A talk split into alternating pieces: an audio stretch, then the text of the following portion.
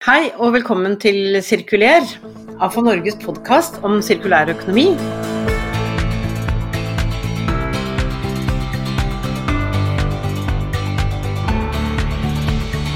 Mitt navn er Nancy Strand, og gjestene i dag er Tor Kamfjord og Ole Jan Myhre fra forskningsselskapet Norner. Et av landets fremste forskningsmiljøer på plast. Og her skjer det mye om dagen, og spørsmålet er er norsk industri forberedt? Og vil vi som forbrukere ha de nye løsningene som nå blir utvikla? Så velkommen til dere, Tor og Olian. Takk skal du ha. Du, altså Det er jo litt, litt, spennende, vi må høre litt mer om, om dere. Men Olian, du er jo nå du er inne fra, fra en emballasjemesse du, som heter Interpack. Så, så ja. kan ikke du si kort om, ja, si litt kort om hvem du er, og, og hvorfor er du på Interpack? og markedssjef i Norner.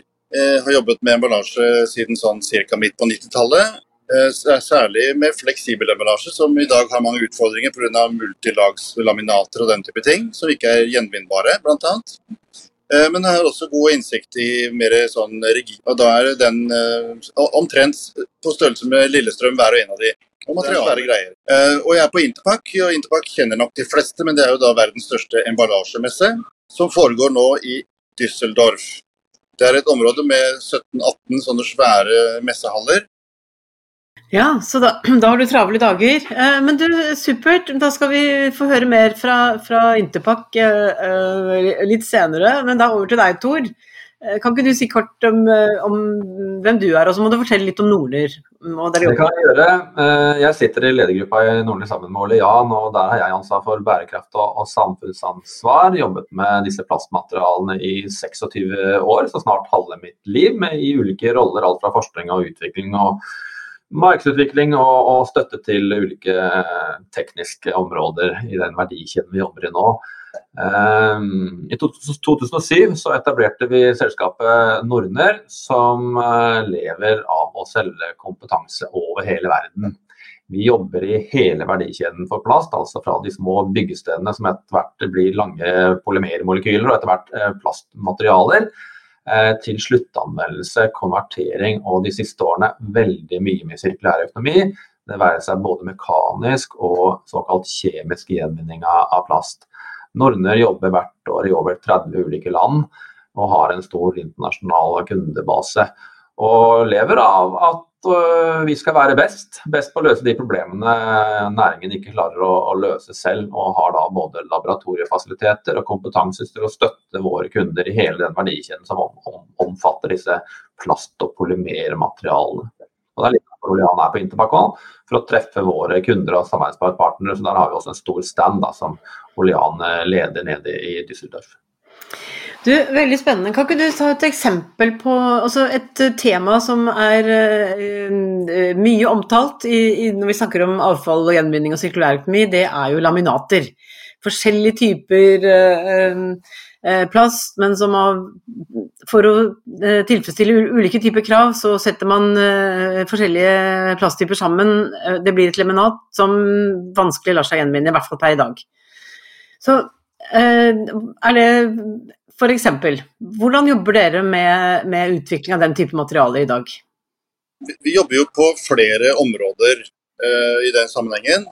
Vi har jo maskiner hvor vi kan uh, teste ut og utvikle alternative eh, sammensetninger. For det er jo sånn at Hvis man ser på um, gjenvinnbarhetskalkulatoren til Grønn punkt Norge f.eks., som også er harmonisert med den uh, mer pan-europeiske normen som er etablert av Plastic Recyclers Europe, så er det jo visse ting man fortsatt kan gjøre som man vet, som man har testa, er gjenvinnbare løsninger og som, som, kan fungere. Det som er eh, viktig å si, er at disse laminatene har jo blitt til gjennom en eh, lang utviklings- eh, og evolusjon av emballasjen. Eh, og de har jo da ulike barrierematerialer, slik at materialet, unnskyld, maten inni holder seg god i lang nok tid osv. Og så er det spørsmål da, kan man lage laminater som består av f.eks. 90% eller mer av kun ett materiale, som PE eller PP, men allikevel beholde i hvert fall tilstrekkelige barriereegenskaper, sånn at man da har god nok matholdbarhet, og dermed redusert matsvinn, som er målet med det hele. Så Det jobber vi med. Vi har, vi har jo nå en ny sjusjikts coax-linje både for cast sheet og blåst film, så vi kan eksperimentere med andre barriereløsninger. Komme bort fra polyamid, mye polyamid og den type ting. Det som også er interessant, er at vi følger jo veldig mye med i markedet hva som skjer. Hva slags teknologier som er under utvikling. Vi ser nå at veldig mange emballasjemaskinleverandører for emballering de begynner jo å jobbe veldig hardt for å kunne også prosessere de nye laminatene på sine maskiner. For det er sånn at disse polyamid P-laminatene som et eksempel, de er jo lette å prosessere til ostepakker eller pølsepakker eller andre ting på nåværende maskiner, men hvis man tar bort polyamiden, så blir det veldig vanskelig. Da trenger man maskinmodifiseringer også, og det er veldig høyt i fokus her. En annen ting er også at jeg nevnte jo Recyclas, det er jo et hot tema for tida.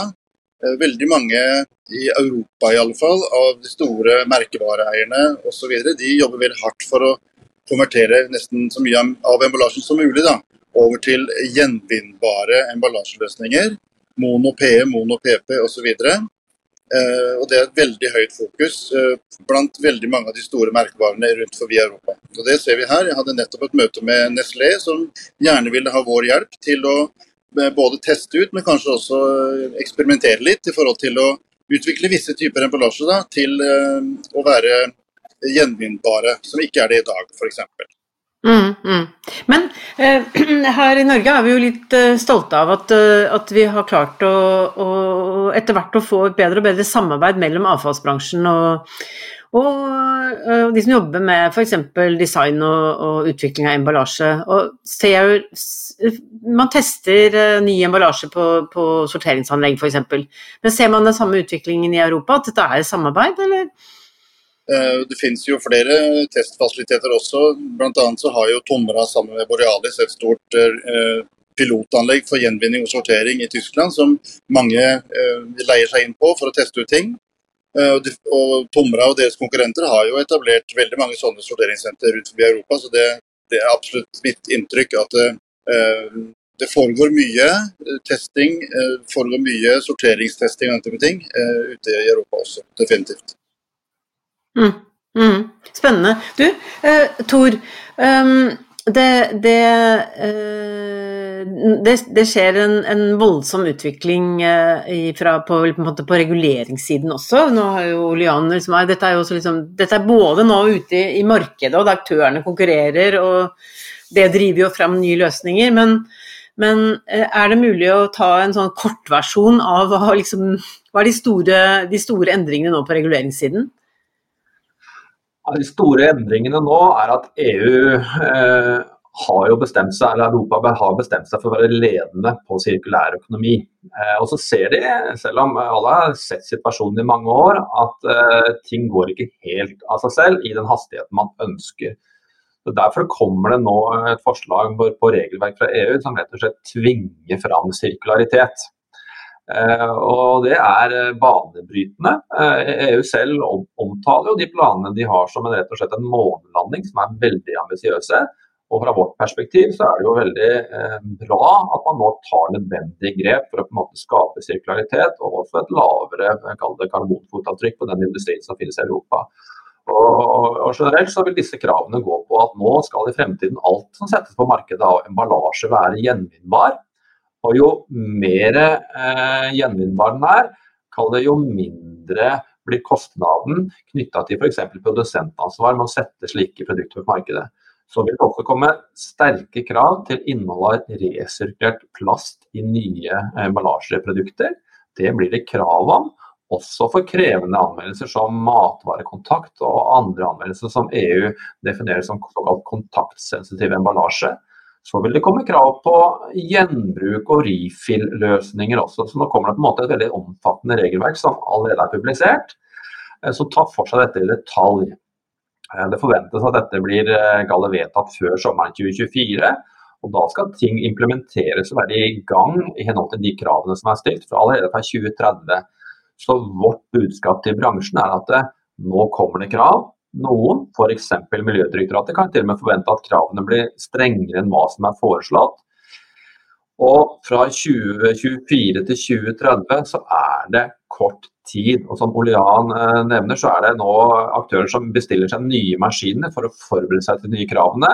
Det sier litt om hvordan bransjen i Europa er på, og skjønner at dette er omfattende endringer som krever ikke bare investering, men også forskning og innovasjon til å løse de tekniske utfordringene som, som, er fremdeles til stede i dagens løsninger.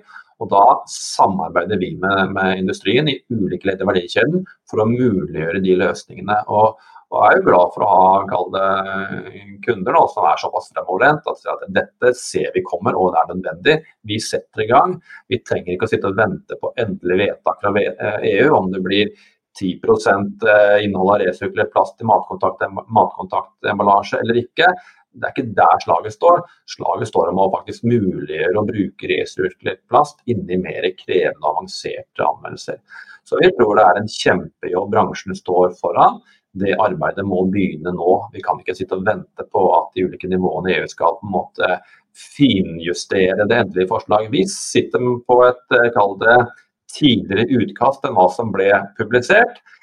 Det var mer ambisiøst. Blir ikke overraska om de som har foreslått eh, de elementene i det forrige utkastet, tar det på banen igjen. Og hva politikerne i EU velger, vet ikke. Jeg tror veldig mange ble overrasket hvor raskt dette eh, Single Use Plastics Directive ble vedtatt og med de konsekvenser det fikk. Så ambisjonsnivået er skyhøyt på europeisk nivå. Jeg tror også ønsket om å løse de utfordringene som er knytta til plast fra oss forbrukere, er stort.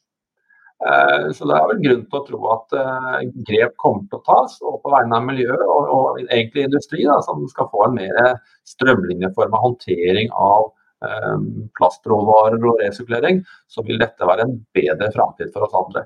Kommer ikke til å være gratis, kommer ikke til å være lett, men det er mulig hvis vi samarbeider om det. Ikke sant. Og det, altså, eh, et, eh, et, tema som har vært mye diskutert i, i, i, avfallsbransjen, vil jeg si, eh, det er jo forholdet mellom kvantitet og kvalitet. Fordi avfallsbransjen fikk på en måte målene først, altså innsamlings- og, og, og gjenvinningsmål, men nå eh, kommer produktkravene etter. Ehm, så vil vi nå liksom få, en, få, den utviklingen som har vært ønsket lenge, at vi kommer til å diskutere mer kvalitet enn akkurat uh, hvor mye vi klarer å samle inn. Ja, viktig, men kvaliteten på det som er på markedet, er det aller viktigste. Ja, helt klart. Helt klart, og på en måte Vårt budskap til avfallsbransjen har vært at nå må dere slutte å være avfallshåndterere. Dere må begynne å tenke som råstoffprodusenter. Og når man begynner å stille seg spørsmål litt tidlig, hva gjenvinner vi til? Ja, så vil det påvirke hvordan man gjenvinner, istedenfor å starte med å si la oss samle inn og gjenvinne så mye, så mye som mulig, og så spørre oss hvem vil kjøpe. Svaret har vært litt for ofte nei nå pga. kvalitet. Men hvis man begynner å bli tydeligere på å stille seg spørsmålet hva gjenvinner til, så kan vi jobbe oss tilbake i verdikjeden og finne ut ja, hvordan skal vi nå gjenvinne til å introdusere disse resirkulerte inn i de anmeldelsene som det blir til og med lovpålagte krav om å ha. Og så har jo Ole Jan og vi Nordner kunder som har satt seg høyere mål enn hva EU kommer med, og det er jo kjempespennende. Så på en måte EUs krav blir på en måte en terskelverdi, ambisiøst nok for veldig mange, eller de aller fleste. Og gøy å se at noen aktører går enda lenger og har enda høyere mål. Og Det ser man jo også i regelverket som foreslått. Det er ett nivå av ambisjoner for 2030, og så er det et nytt nivå i 2040. Og Da kan man jo like gjerne begynne nå å jobbe mot 2040, for det er fremdeles terskelverdien i 2040. Ja, men Blir dette en konkurransefordel, eller er vi litt optimistiske der? Nei, Vi tror jo at ledende aktører stiller krav til seg sjøl og leverandørkjeden. Eh, så, så, på en måte er man i posisjon, så ønsker å være i posisjon, så må man levere på det. Bare for å si det, Nå kommer jo EU også med en høring på taksonomien. og For å kunne bli definert innenfor det regelverket, så er kravet til resirkulert plastinnhold 65 rund out. Så man ser jo, og, Det vil jo være på en måte gi en konkurransefordel i form av både lånebetingelser, investeringsmuligheter osv. Så, videre. så det strammer seg til. Så det å være framme i skoa vil være en konkurransefordel, uten tvil. Både med å være i posisjon til, til avtaler du gjør med sine kunder. Jeg har jo også klare forventninger til offentlig sektor i form av offentlig innkjøp. Ingen grunn til at ikke de skal være først i rekken med å stille disse kravene nå som vi ser hvor veien er nødt til å gå. Da vil jo det stimulere igjen til at, at vi får utviklet flyt og logistikk og effektivitet i verdikjeden, som vi også trenger. Mm, at det blir en skikkelig altså dette, dette, En ting er at det stilles krav fra, fra regulerende myndigheter, men det må også være en, en pull-effekt i markedet som etterspør disse produktene. Det er det, og, og store internasjonale brands de begynner jo, de stiller jo sånne krav allerede. Eh, og vi gleder oss over disse gjenvinnerne f.eks. i Europa, som har i mange år levert kvalitet de går gjennom disse ulike krisene som vi har hatt, og vi har i Europa nå, med både energi og, og krig i Ukraina, og likevel klarer å tjene gode penger, for de klarer å levere det deres kunder vil ha, som er villige til å betale for hva kvalitet koster, i form av kvalitet på resirkulerte materialer. Mm, mm. Men du, eh, det er en ting som eh, som jeg er veldig nysgjerrig på. Og det er dette her med Jeg, jeg må tilbake igjen til laminatene. Fordi altså sånn som det dere er inne på, er at uh, det vi ser nå, er at produsentene begynner å investere i nytt produksjonsutstyr fordi det stilles andre krav med andre typer materialer og andre typer sammensetninger. Men trenger Blir denne sannheten om at det er eh, det primære er å sørge for, uh, for mono, monomerer, er det det det heter? Uh, monomaterialer for det er lett å gjenvinne? Eller kommer dette til å bli mye mer nyansert? At hvis man klarer å lage altså, Vi trenger også en teknologisk utvikling på gjenvinningssiden for å matche disse, mm, uh, denne utviklingen, da? Det, blir det noen sannheter som står for fall her? Nei, Jeg vil ikke si det er sannheter som står for fall, men at det er teknologiutvikling og industrialisering av det er nødt til å skje. og Det, det, det jobbes det masse med. så På mekanisk gjenvinning så, så jobbes det med bedre dekontamineringsteknologier kalle kompatibilisatorer som vi jobber med for å på en måte tillate at man ikke får skilt alle materialene, men at de i samme, kan sameksistere og ha god kvalitet etterpå. Det skjer masse knytta til kvalitetsløft på mekanisk resirkulert råvare. Men så vil det være slik at det er ikke alt som kan mekanisk gjenvinnes. Og mekanisk gjenvinning kan heller ikke fortsette inn i evigheten på vegne av plastmaterialet. Og Derfor foregår nå også en kjempespennende teknologiutvikling knytta til kjemisk gjenvinning. Og, Vi gleder oss i Nordner over at vi er en eh, leverandør av FoU-tjenester til en, kunde av oss som har et, eh, vi har et kjemisk pyrolysepilot stående nå og går klokkereint hos Nordner. Og Det syns vi er spennende. Så klart Dette med kjemisk gjenvinning kommer til å sameksistere med mekanisk gjenvinning og er nødvendig, gitt at vi ønsker å deponere eller forbrenne plast. Så, så der blir det, og det er, man, det er man nødt til å levere på innen 2030 for å nå de kravene som EU har satt til innhold av resirkulert mener vi og mange andre. Da må vi klare å industrialisere denne pyrolyseteknologien som, som har vært utfordrende fram til nå. og Derfor har vi nå en pilot som vi tror er med på har et stort stort potensial for industrialisering. Da. Ja, det er, det er, veldig spennende. Og, eh, jeg tenkte på, på altså dette med at, at eh, plasten skal jo ikke bare gå én runde til. Den, den, skal jo fortsette. altså Litt sånn som vi er vant til å tenke rundt uh, papir og papp, f.eks. Altså de, den har kanskje en runde på seks-syv sirkler uh, før fibrene begynner å bli slitt. altså kan vi, i, kan vi, gå i en sånn type retning at det ikke bare er én runde, men seks-syv runder før plasten skal over i en uh, type f.eks. kjemisk gjenvinning? da, er vi, er vi der? Ja, altså Hvis vi klarer å kalle, ha gode nok mekaniske gjenvinningsteknologier som dekontaminerer på, på et veldig Eh, presist nivå, da, så kan vi selvfølgelig forsøke å gjenvinne så mange ganger som mulig. Men det er et tøft liv disse plastproduktene lever. De er ute hos forbrukere. De vil være kall det mikroskopiske forurensninger på et veldig, veldig lavt nivå, som etter hvert vil akkumulere seg. Så jobber vi med teknologi for å både detektere de og fjerne de. Men, men du kan ikke hindre det inn i evigheten. Så på et eller annet tidspunkt så må ting tilbake til kall det jomfruelig råstoffkvalitet uten å bruke fossile kilder. og da, Derfor snakker vi nå om det, å lykkes med f.eks. Mm. pyrolyse. Mm, ja, ikke sant. Men uh, Olian, hva er, det, hva er det noe av det mest uh, sånn spenstige, uh, framtidsrettede uh, løsningene du har sett på, på Interpac-messen så langt?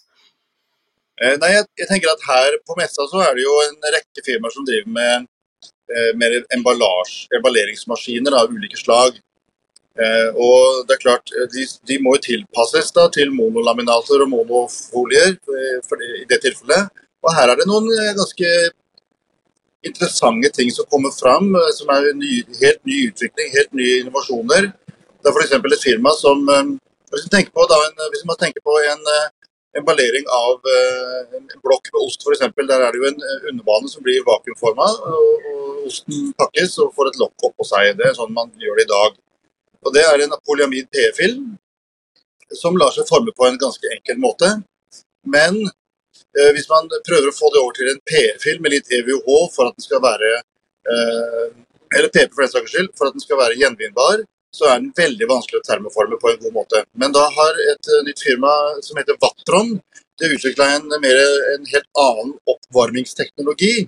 Som at de kan kontrollere temperaturen, eh, oppvarmingstemperaturen på ulike soner av den plastfolien eh, i segmenter av 5 ganger 5 millimeter som eh, er som de kaller for digital oppvarming. Det er veldig veldig spennende, for da kan de faktisk varme opp folien litt differensiert, slik at folien eh, er litt kaldere på steder hvor man ikke ønsker tynntrekking osv. Så, videre. så da kan du faktisk få til en monofilm som lar seg forme på disse nye maskin- eller oppvarmingsteknologiene.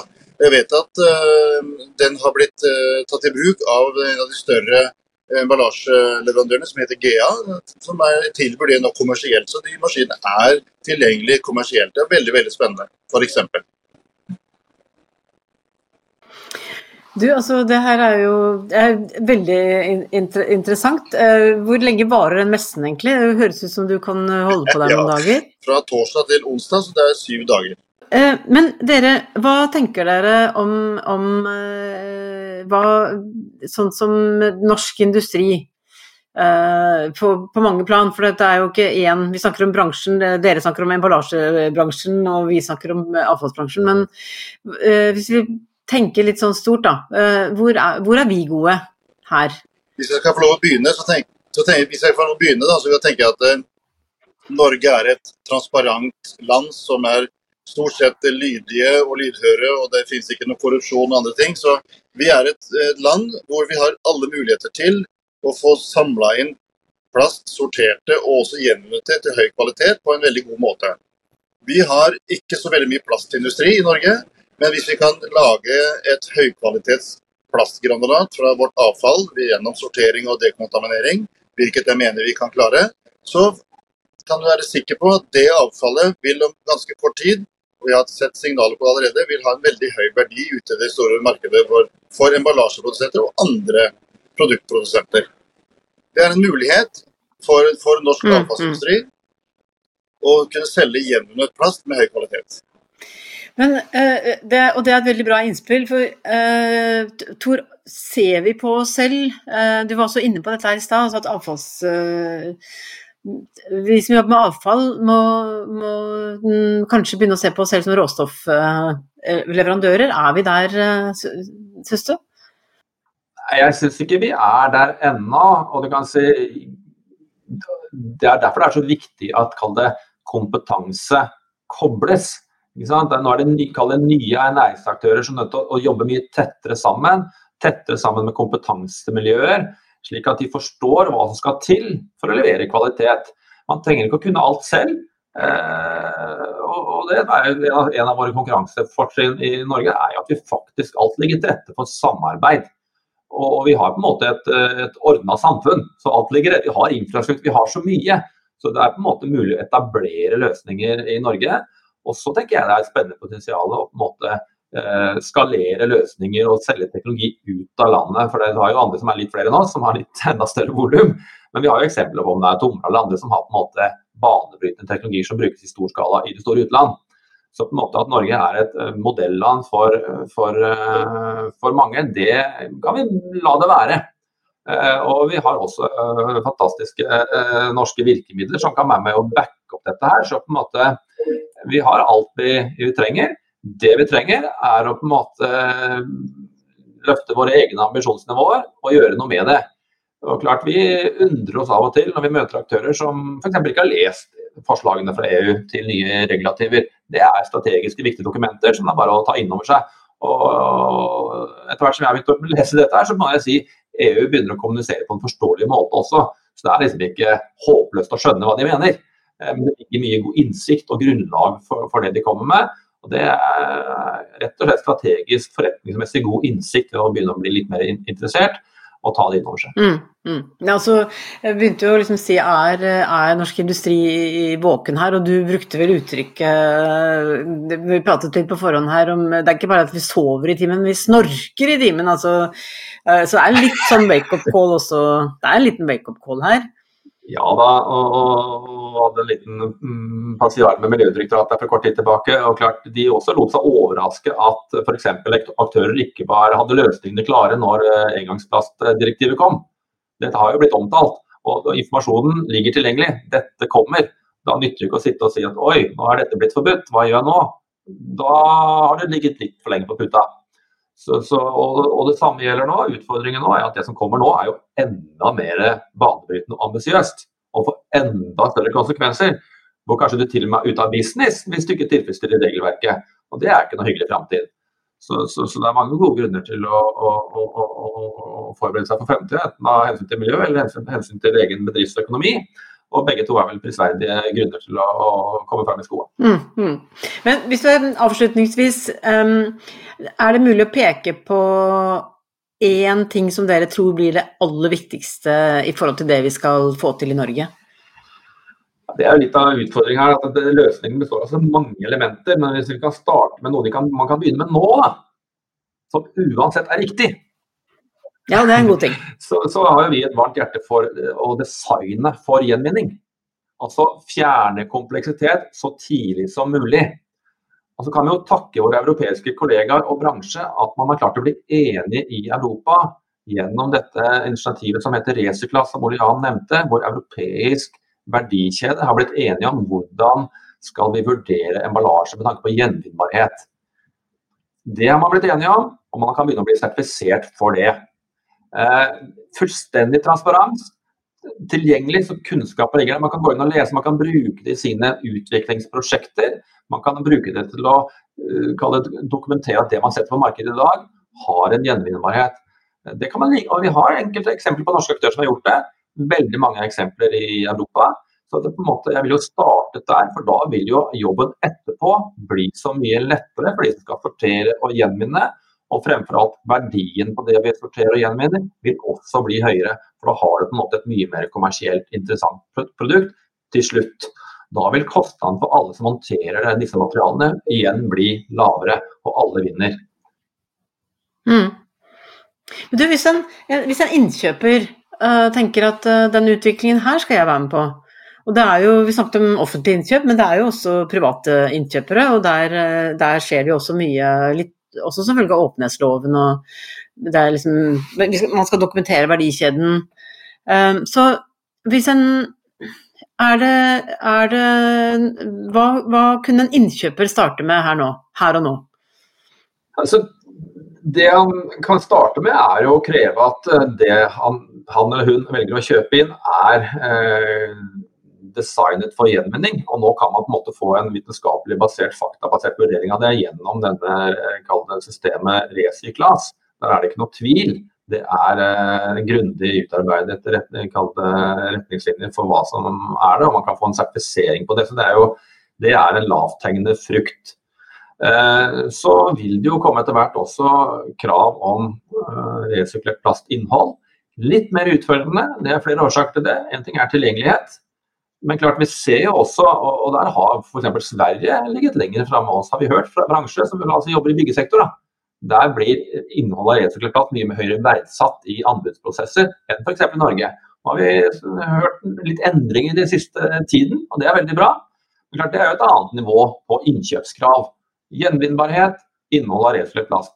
Definitivt to gode elementer på vegne av, av miljø og bærekraft, som vi mener at her må innkjøpere være tydeligere og legge det som krav inn i, i sine innkjøp. Mm, mm.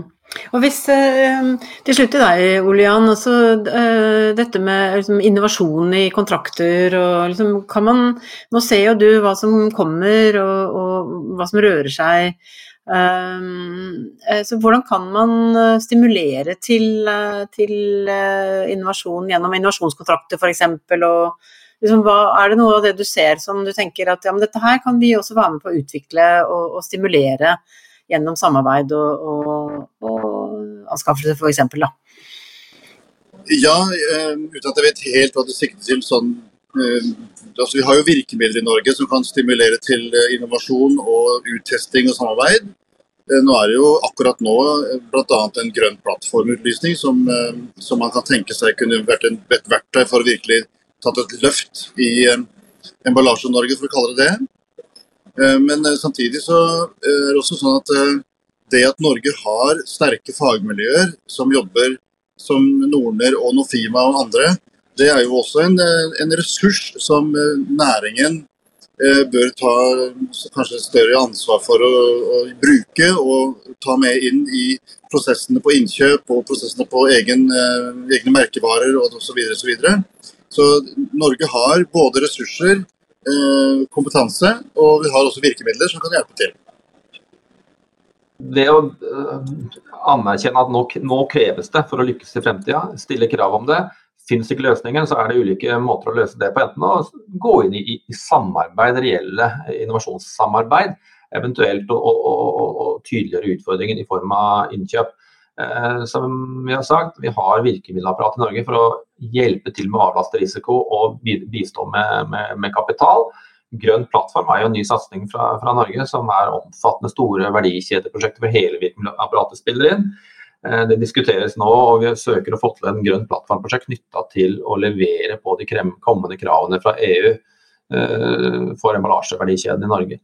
Så, så det, mulighetene fins. Det gjelder å få de rette menneskene til å jobbe sammen. Ja, Eh, veldig bra eh, siste, siste, ord i, i, dag. Så jeg må si tusen takk eh, til, til dere, dere, begge. Og som lytterne eh, skjønner, så har dette vært en, en innspilling hvor, hvor, vi har sittet på hvert vårt sted. Og Olian har deltatt fra Interpac-messen i Düsseldorf. Eh, så tusen takk eh, til deg, Olian, selv om ikke du er her. Og tusen takk til, til deg, Tor. Takk skal du ha. Takk for veldig, veldig spennende uh, informasjon og, og, og, fin samtale. Og da vil jeg bare si takk til vår produsent uh, Håkon Bratland, og takk til alle dere som har hørt på. Vi høres snart igjen. Ha det bra!